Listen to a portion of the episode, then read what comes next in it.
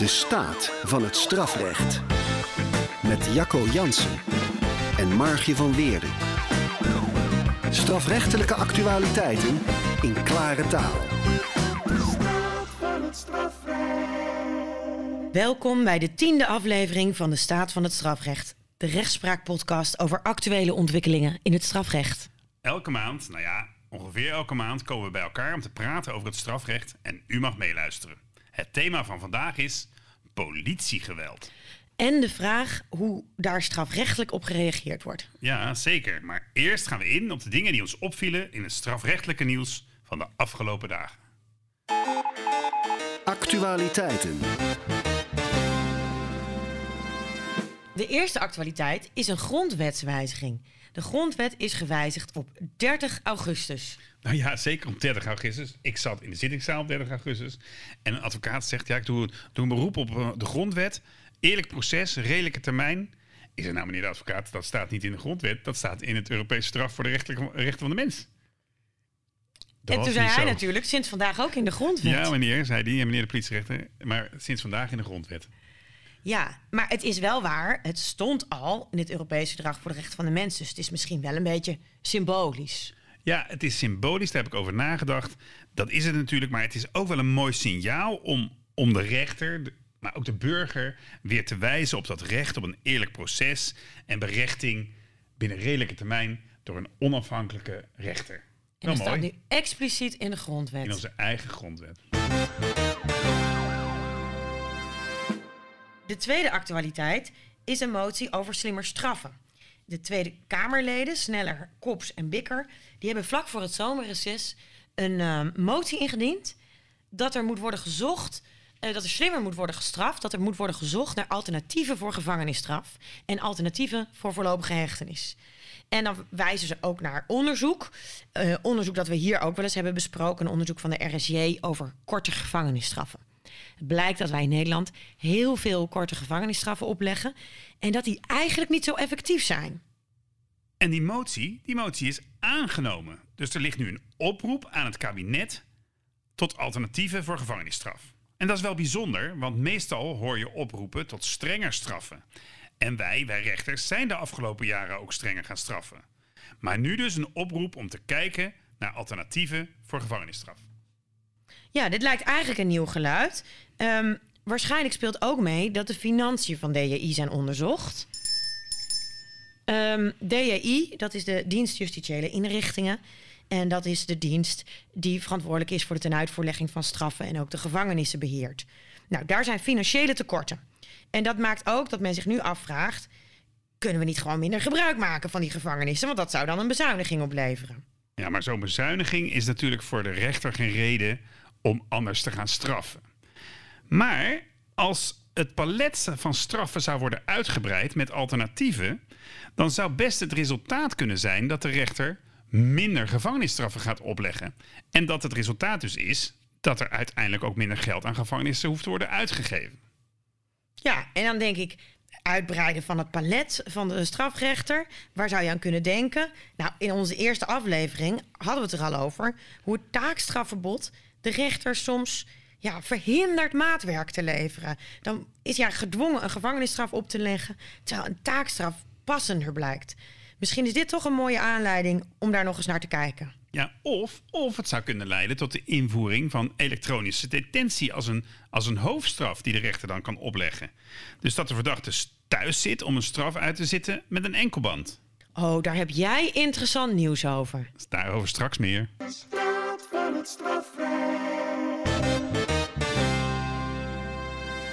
Ja, nieuws over elektronische detentie. Nou ja, elektronische detentie, elektronische monitoring. Ik krijg een enkelband. Wat heb je op je geweten? Nou, niks, niks. Ik doe mee aan, aan september.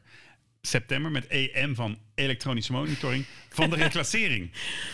En er doen ook twee Kamerleden mee, hè? Ja, van Nispe en Sneller. En Dick Schoof doet mee, Ja, zag van ik. secretaris-generaal. Ja. Wanneer krijg je hem? 20 september krijg ik hem. Er zijn nu al anderen die hem hebben. Maar 20 september gaat hij mij aan voor een week. Dus er zit ook een weekend eh, in. En nou zijn er twee soorten enkelbanden. Eentje die in de gaten houdt wat het alcoholpercentage is in je bloed. En eentje die in de gaten houdt waar je bent. Ja, ik krijg die tweede. En daar krijg ik dan ook nog een gebiedsverbod bij en een locatiegebod. Dus ik moet op bepaalde tijden thuis blijven en dan mag ik nergens anders heen gaan. En op bepaalde plekken in de stad Rotterdam mag ik niet komen.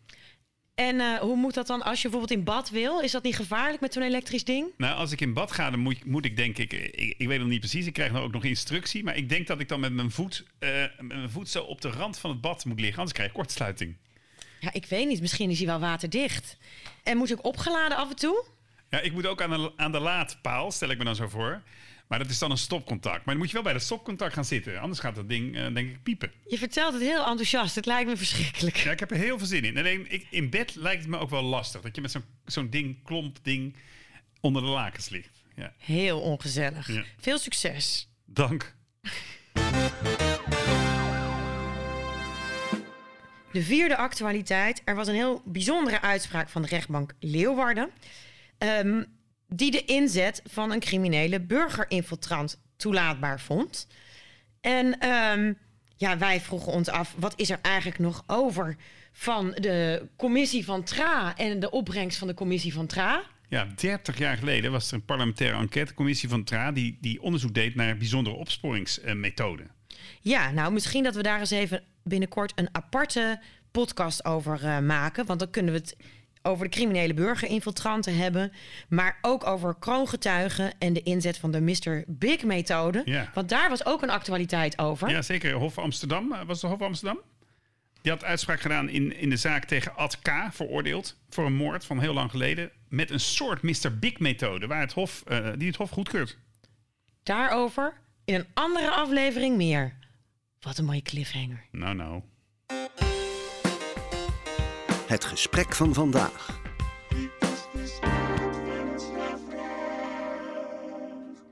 Het gesprek van vandaag gaat over politiegeweld en hoe daar in het strafrecht mee om te gaan. Ja, politiegeweld.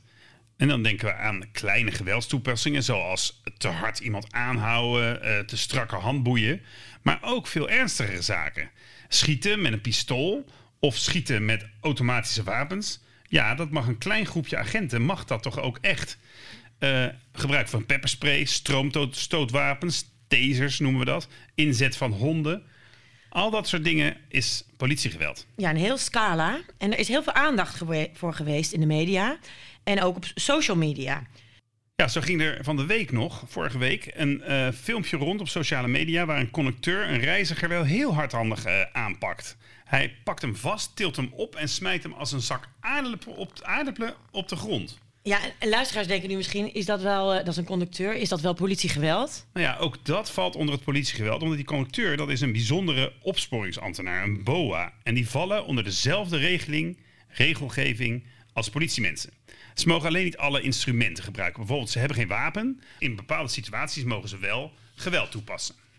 Ja, en waar in het verleden ook veel aandacht voor was... Bekende zaak over politiegeweld... is natuurlijk de Mitch Henriquez-zaak... Um, Arubaanse man. En speelde in 2015 was dat. Was hij op een festival in Den Haag. Hij werd heel ruw aangehouden. Daarbij werd geweld gebruikt. Hij werd ook in een nekklem gepakt. En is de dag na de aanhouding overleden door dat geweld. En twee jaar geleden is er veel aandacht geweest voor politiegeweld in de Verenigde Staten. Dat was naar aanleiding van de George Floyd-zaak. Dat leidde tot veel protesten tegen racisme bij de politie. De Black Lives Matter-beweging ging de straat op en kreeg een enorme boost. Ook in Nederland. Ja, dat debat over racisme binnen de politie, dat speelt ook hier. En de strijd daartegen. Ja, dat is nog niet opgelost. Nee.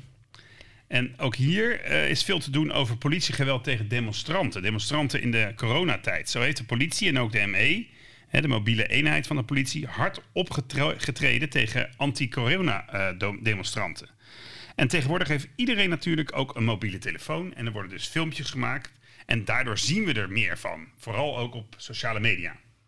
Ja, en uh, er is natuurlijk bij de VN is een speciale VN-rapporteur op het gebied van marteling. Die had zo'n filmpje gezien um, van ME'ers die insloegen op een uh, anti-corona-demonstrant. En die heeft daarover getwitterd. Die zei: Nou, dit is een van de meest walgelijke voorbeelden van politiegeweld sinds George Floyd. En. Um, nou, roept Nederland eigenlijk op van zorg ervoor dat deze agenten en hun leidinggevenden worden vervolgd. Ja, en die agenten worden ook vervolgd en uh, daar zullen we nog wel van horen.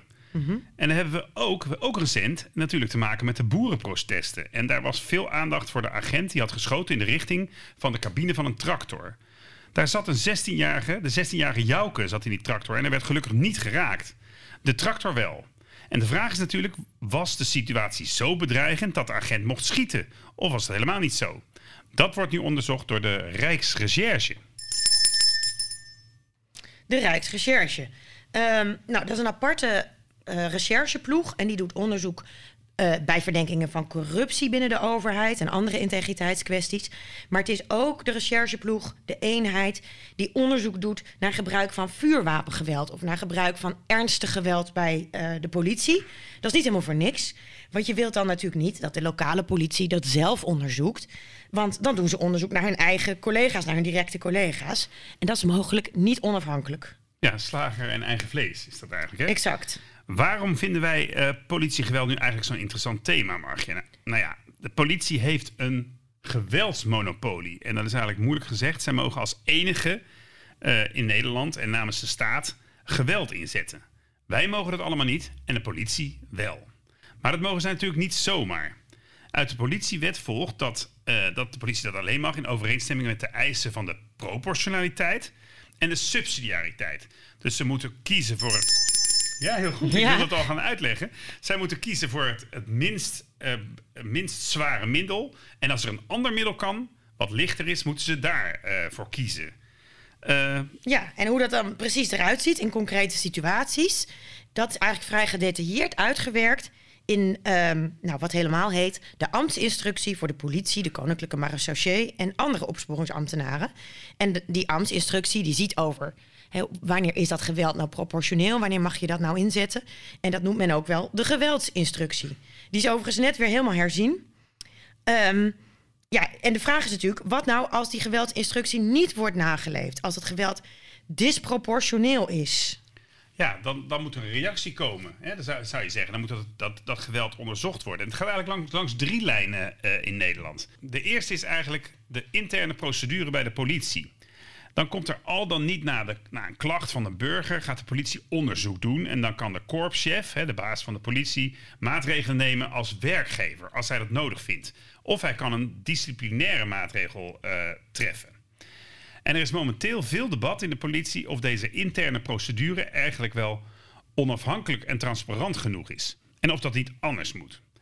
We gaan het vandaag niet uitgebreid bespreken, want wij focussen ons op de strafrechtelijke reacties. Ja, nou, ik heb als advocaat wel eens een klacht ingediend bij de politie.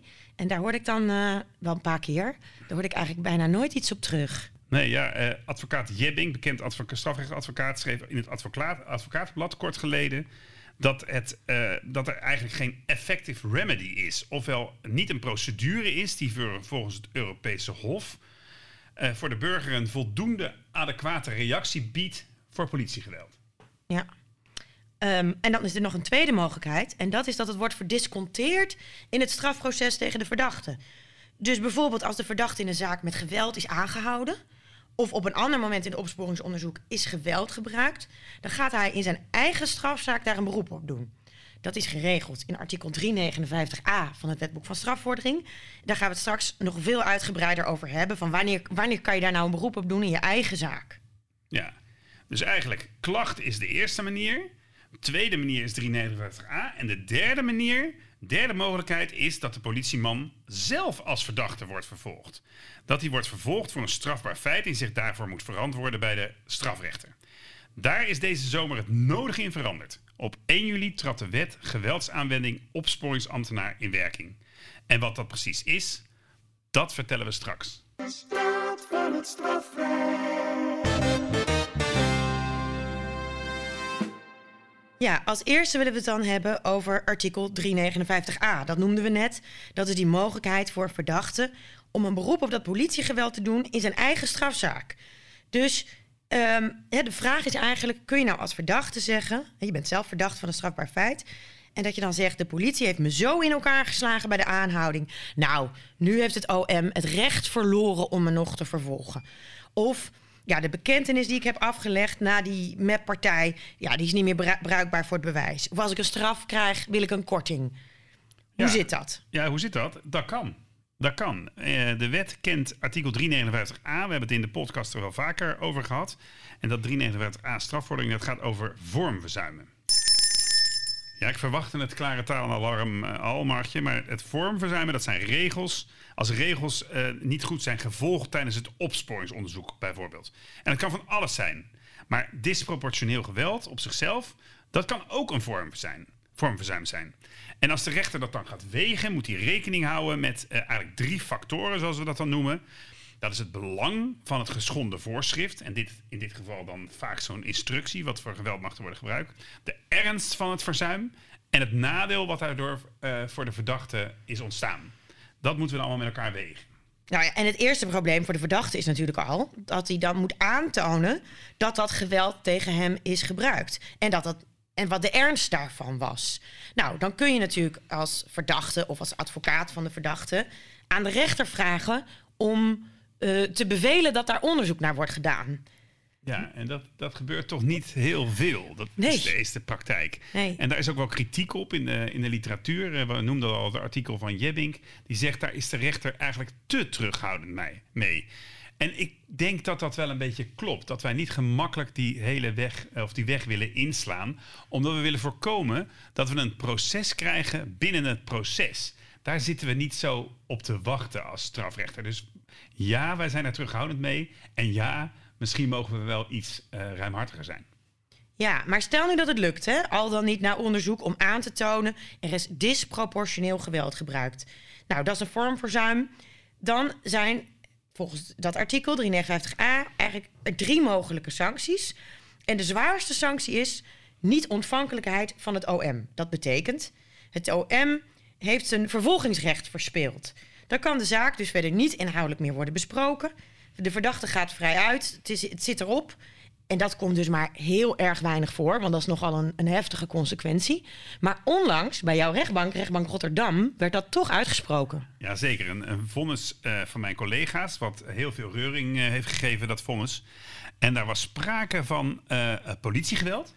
De, de, verdachte was met geweld aangehouden.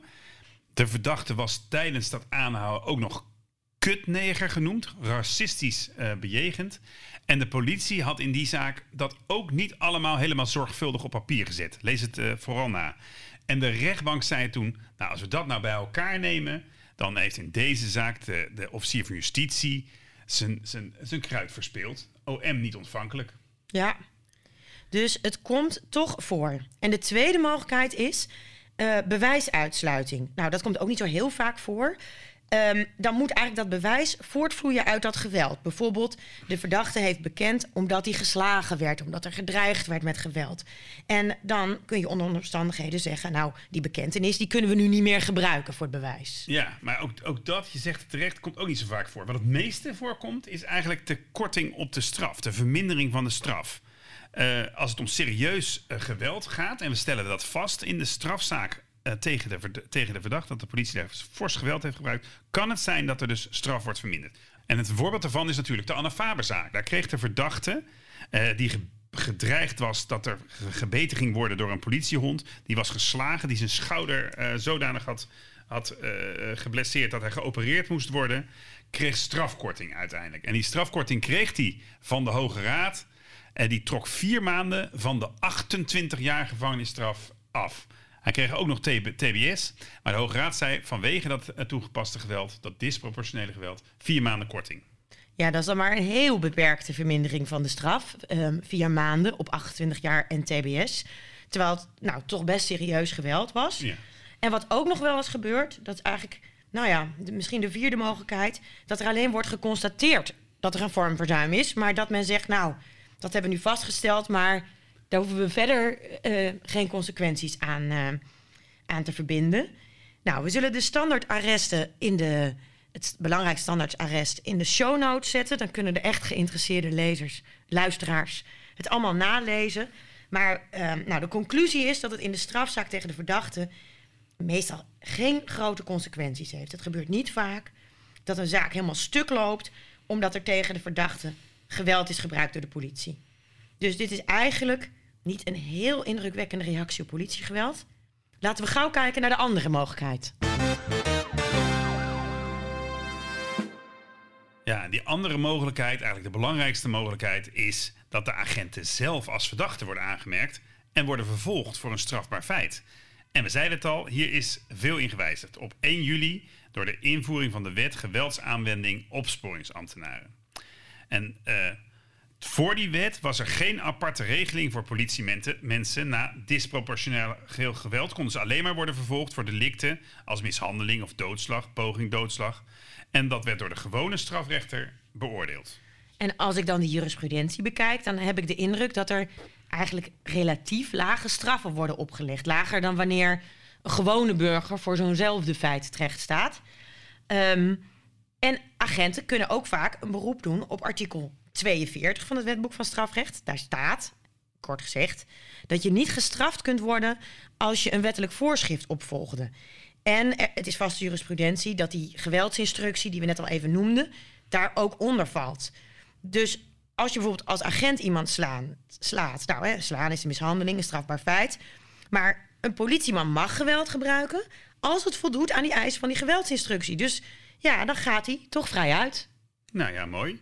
He, want die lage straffen, als ik daar nou zo naar kijk, die zijn ook niet, niet echt onbegrijpelijk. Hè? Want die politieagent die heeft natuurlijk een bijzondere positie en een bijzondere verantwoordelijkheid. Ze komen veel vaker dan jij en ik, dan gewone burgers, in situaties verzeild waar, waar, waar dat geweld gevraagd wordt. En het is, het is ook hun taak om op die, op die dingen af te gaan. Hè. Zij moeten opsporen, vervolgen, in de openbare orde dingen doen. En daar wil je als rechter natuurlijk ook rekening mee houden. Aan de andere kant zou je ook kunnen zeggen dat een politieagent, juist vanwege zijn functie, dat je daar hogere eisen aan mag stellen. Ze zijn getraind, dus je verwacht dat ze toch minder snel in paniek raken dan jij en ik.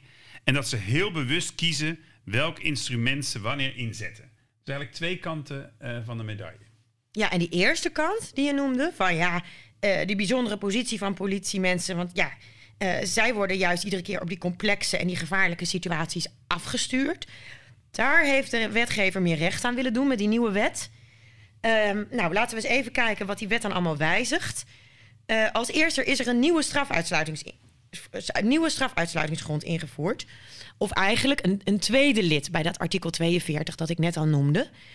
Um, en daarin staat expliciet dat de opsporingsambtenaar die handelt in de rechtmatige uitoefening van zijn taak, hè, in het kader van zijn werk. En die handelt in overeenstemming met de geweldsinstructie niet strafbaar is. Ja, nou ja, dat is eigenlijk een, een explicitering. Gewoon nog eens duidelijk opschrijven wat al gold. Het is niet iets heel nieuws, dit. Nee, wij noemden dat een beetje een cosmetische wijziging. Ja, een cosmetische wijziging. Ja, en een tweede wijziging, en die is, die is toch wel belangrijk... is dat er naar, na, geweld, na gebruik van geweld door de politie... er in beginsel een feitenonderzoek wordt ingesteld.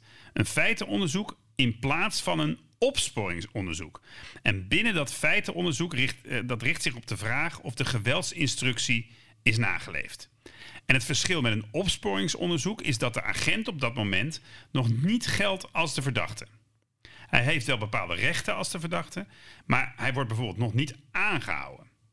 En ook kunnen er bepaalde opsporingsbevoegdheden binnen dat feitenonderzoek worden ingezet, ongeacht de vraag of de, of de verdachte of de politieagent aan het verdachtebegrip uh, voldoet. Ja, dus dan kan je weer meer onderzoek doen. Nou ja, wat ook wel opvalt, dat is eigenlijk dan een derde punt misschien, is de concentratiebepaling. Wat is dat dan? Zaken over politiegeweld worden geconcentreerd, noemen we dat, bij de rechtbank Midden-Nederland. Oftewel, in gewone mensentaal, er komt in Utrecht een blauwe kamer, een club rechters die zich specifiek met deze zaken gaat bezighouden, als enige in Nederland. Als je nou naar de adviezen kijkt, bijvoorbeeld van de Raad voor de Rechtspraak, ja, eigenlijk vond niemand dit echt nodig. Maar het is toch ingevoerd. Dus ja, in Rotterdam krijgen jullie geen politiegeweldzaken meer, Jacco? Nee, die gaan dus allemaal uh, naar Utrecht. En dat vind ik eigenlijk voor de rechtsontwikkeling, hè, de, de ontwikkeling van het recht, eigenlijk wel jammer. Want als er verschillende rechtbanken oordelen over politiegeweld, dan, dan is die tegenspraak misschien tussen die vonnissen die dan worden gewezen, leidt tot rechtsontwikkeling. En dat is altijd uh, goed. Een voordeel is natuurlijk wel weer van één zo'n kamer, is dat die toch wat meer specialistische kennis uh, krijgen. We kijken uit naar de jurisprudentie. Ja, het meest bijzondere aan deze nieuwe wet is het nieuwe strafbare feit dat speciaal voor politiemensen is gecreëerd. Dat staat sinds 1 juli in ons uh, wetboek van strafrecht in artikel 372. En kort gezegd staat er dat je als opsporingsambtenaar strafbaar bent als het aan je schuld te wijten is dat je de geweldsinstructies schendt. En um, dat moet dan ook nog een gevolg hebben. Als het leidt tot letsel, is de maximumstraf een jaar. Als het leidt tot zwaar lichamelijk letsel, is de maximumstraf twee jaar. En als het leidt tot de dood, is de maximumstraf drie jaar. Het is niet nodig dat je ook schuld hebt echt aan dat letsel of aan de dood. Schuld moet gericht zijn op de schending van de geweldsinstructie. En die maximumstraffen, ja, ik vind het eigenlijk niet zo heel hoog. Um, en, de kern is dus schending van de geweldsinstructie. En die geweldsinstructie is ook per 1 juli aangepast. Daar is nu preciezer in omschreven wat er wel en niet mag. Nou ja, die is veranderd. En ja, we hebben het een beetje bestudeerd, die, uh, die nieuwe geweldsinstructie. Want we dachten, is die nou, zijn er nou ook meer bevoegdheden gekomen voor die uh, politieagenten? Nou, daar lijkt het niet op. Uh, het blijkt vooral, die wijzigingen blijken vooral gericht te zijn op dat, dat schenden van de geweldsinstructie, wanneer wel, wanneer niet, dat dat veel concreter en duidelijker is geworden. En dat komt natuurlijk door dat strafbare feit wat is ingevoerd. Ja, daarom moet dan ook heel helder zijn wanneer je dat nou schendt en wanneer niet. Juist. Ja. En nog iets op, opvallends aan deze nieuwe strafbepaling? Ja, opvallend is dat, uh, dat er niet meer, vind ik, dat er niet meer varianten van dit uh, delict zijn. Je zou kunnen denken uh, aan schending van de geweldsinstructie zonder letsel. Of geweld, opzettelijk schenden van de geweldsinstructie. Dat staat er allemaal niet in. Nee, geen lichtere varianten en ook geen zwaardere varianten. En dat is eigenlijk des te opmerkelijker, omdat het de bedoeling lijkt om opsporingsambtenaren in principe voor dit nieuwe feit te gaan vervolgen. En niet meer voor gewone geweldsdelicten als mishandeling of als dood, uh, mishandeling of doodslag. En dat blijkt um, uit de vervolgingsrichtlijn van het OM. Het OM heeft voor dit feit uh, een richtlijn uh, ontwikkeld. Maar het blijkt ook uit het nieuwe, ook ingevoerd met dit wetsvoorstel, het nieuwe artikel 261a van het wetboek van strafvordering. Daarin staat, ik lees het even voor dan leg ik het straks wel uit. Indien een feit onder verwijzing naar het misdrijf, bedoeld in artikel 372 wetboek van strafrecht, ten laste wordt gelegd, kan in de dagvaarding hetzelfde feit niet tevens onder verwijzing naar een ander misdrijf te lasten worden gelegd. Nou, hier staat dus eigenlijk, het is niet de bedoeling om dit nieuwe feit, schending van, het van de geweldsinstructie, en een gewoon geweldsdelict in één dagvaarding op te nemen. Want je zou natuurlijk kunnen zeggen, we doen primair doodslag en dan subsidiair um, dat nieuwe, dat nieuwe, die nieuwe bepaling met die lagere straffen. Maar dat is niet het idee. Nee, en, en grappig is het wel. Want uh, dat 261a, dat is in de wet gekomen bij een amendement. Amendement van uh, Van Dam. En hij schetst in de toelichting meteen een escape. Daar, daar staat in die toelichting op dat amendement... staat dat, dat je ook twee, twee keer kan dagvaarden... en dat de rechter ook de bevoegdheid heeft om die dagvaardingen dan weer te voegen. Dus dat het technisch dan wel kan weer in één uh, dagvaarding. Maar de bedoeling lijkt of is, uh, dat, dat moet blijken, dat er echt een keuze wordt gemaakt tussen het gewone delict, mishandeling, doodslag, of het nieuwe delict. En ja, zoals gezegd, dat heeft de OM ook nu zo neergelegd in hun richtlijn. Er moet dus worden gekozen. In beginsel voor het nieuwe 372 en alleen vervolg voor een algemeen geweldsdelict bij een opzettelijke en forse schending van de geweldsinstructie. Dat staat dus in die, in die richtlijn. En, maar dat betekent wel dat de officier van justitie een heel bepalende rol heeft. Misschien nog wel bepalender dan onze nieuwe Blauwe Kamer. Um, want die officier bepaalt wat er aan die Kamer, wat er aan die rechters wordt voorgelegd. Uh, wat natuurlijk wel weer kan, is dat er veel uh, artikel 12 procedures gaan komen. Ja, artikel 12 procedure dat is een procedure op grond van artikel 12 wetboek van strafvordering. Dat betekent dat je als uh, slachtoffer kan klagen over niet-vervolging. Maar je kan ook klagen dat er niet vervolgd wordt voor het juiste delict. Dus het kan zijn dat degene die slachtoffer is voor, um, van politiegeweld... dan uh, klaagt dat er voor dat nieuwe artikel 372 wordt vervolgd... in plaats van doodslag bijvoorbeeld. Ja, ook interessant wordt het wat het Hof in, in die artikel 12 procedures gaat doen als het OM helemaal niet vervolgt. Hè? En het OM zegt het valt allemaal wel mee. Hoe ruimhartig laat, uh, uh, laat het Hof dan die burgers toe in hun klachten over de vervolging? Ja, misschien is het goed dat het Hof daar niet al te streng mee omgaat. Ja, en waar ik nu nog wel over na zit te denken, hoe zit het met de zaken waarin wel de geweldsinstructies over, overschreden, is geschonden, maar er is geen letsel? Ja, als er geen letsel is, dan kan dat artikel 372 je niet helpen. Nee, en dat is wel vervelend, want mogelijk is het wel een schending van artikel 3 van het Europees Verdrag voor de Rechten van de Mens. Dat is het verbod op foltering. Maar het is ook het verbod op inhumane behandeling, onmenselijke behandeling. En uh, daar, dat is best een ruim begrip. En daar valt volgens het Europees Hof ook onder politiegeweld dat niet strikt noodzakelijk was vanwege het gedrag van, van die betrokkenen waar het tegen gericht was. Nou, dat is, dat is ruim. Ja, maar dan helpt 372 je dus niet. Daar is dus geen effective remedy, zou je kunnen zeggen, als het je niet helpt. Nee, geen, geen goede procedure. Wat is het dan wel? Wat kan je dan nog? Nou ja, wat je wel kan doen, is dat je dan weer aangifte doet van een gewoon delict. Dus mishandeling of bedreiging of zo. Ja, maar dat wordt dan wel een beetje de omgekeerde wereld. Want het was nou juist de bedoeling dat dat kwaliteitsdelict, hè, dat delict van die 372, dat dat een beetje de lading zou dekken. Ja, ook een interessante vraag is nog: stel je wordt vervolgd voor doodslag en je wordt vrijgesproken, kan er dan daarna nog vervolgd worden voor bijvoorbeeld 372? Ja, nou dat is natuurlijk niet de bedoeling. Maar eh, technisch kan het wel. Ja, en ik denk dat dat niet strijdig is met nebis en idem. Nebis en idem is het uh, uitgangspunt dat je iemand niet twee keer kunt vervolgen voor hetzelfde feit. Nee, en dan dringt de vraag zich op: is dit dan hetzelfde feit? Nou, feitelijk wel. Ja, feitelijk wel. Maar dan moet je ook kijken naar wat is het beschermde belang van die twee verschillende feiten. Nou, dat lijkt hier toch wel verschillend. Hè? De, het beschermen van de geweldsinstructie en de lichamelijke integriteit bijvoorbeeld, dat is toch wel iets anders. Er staan ook een andere strafbedreiging op. Doodslag, uh, forse gevangenisstraffen. En hier de maximale gevangenisstraf drie jaar. En er is sprake bij die, bij die overschrijding van die geweldsinstructie van een schulddelict. Terwijl uh, ja, bijvoorbeeld doodslag en mishandeling, dat zijn misdrijven. Dus ja, ja, ik denk dat het misschien wel kan. Nou, we gaan interessante tijden tegemoet. Ten slotte, is het nu eigenlijk zo dat politieagenten door deze wet, door de wetgever, worden beschermd? Ja, ja dat denk ik eigenlijk wel. Hè?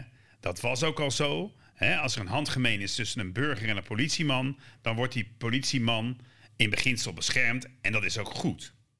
Maar ja, als je daar dan dieper naar kijkt, zo'n politieagent wordt wel heel ruim beschermd, zou je kunnen zeggen. Hij verklaart op Amst eet en wordt op zijn woord geloofd. De politieman mag geweld gebruiken, de burger niet. De politieman of de politievrouw heeft wapens en boeien. Als hij over de schreef gaat, zijn er lagere straffen. En voor de burger geldt straks, als het taakstrafverbod wordt uitgebreid, dat de rechter hem geen kale taakstraf kan opleggen. En dat geldt voor de politie niet. Nou, een heel speciale positie dus. We blijven dit volgen. De vraag van de luisteraar.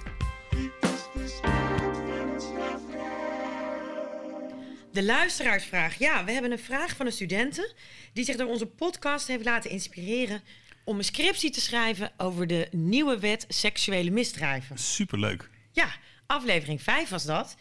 En uh, nou, wij leggen daaruit dat er een nieuw verkrachtingsdelict komt met drie varianten: een schuldvariant, een opzetvariant en een gekwalificeerde variant. Nou, en die laatste, um, dat vindt ze eigenlijk ingewikkeld, hè, want opzetverkrachting, dat is het seksueel binnendringen van het lichaam.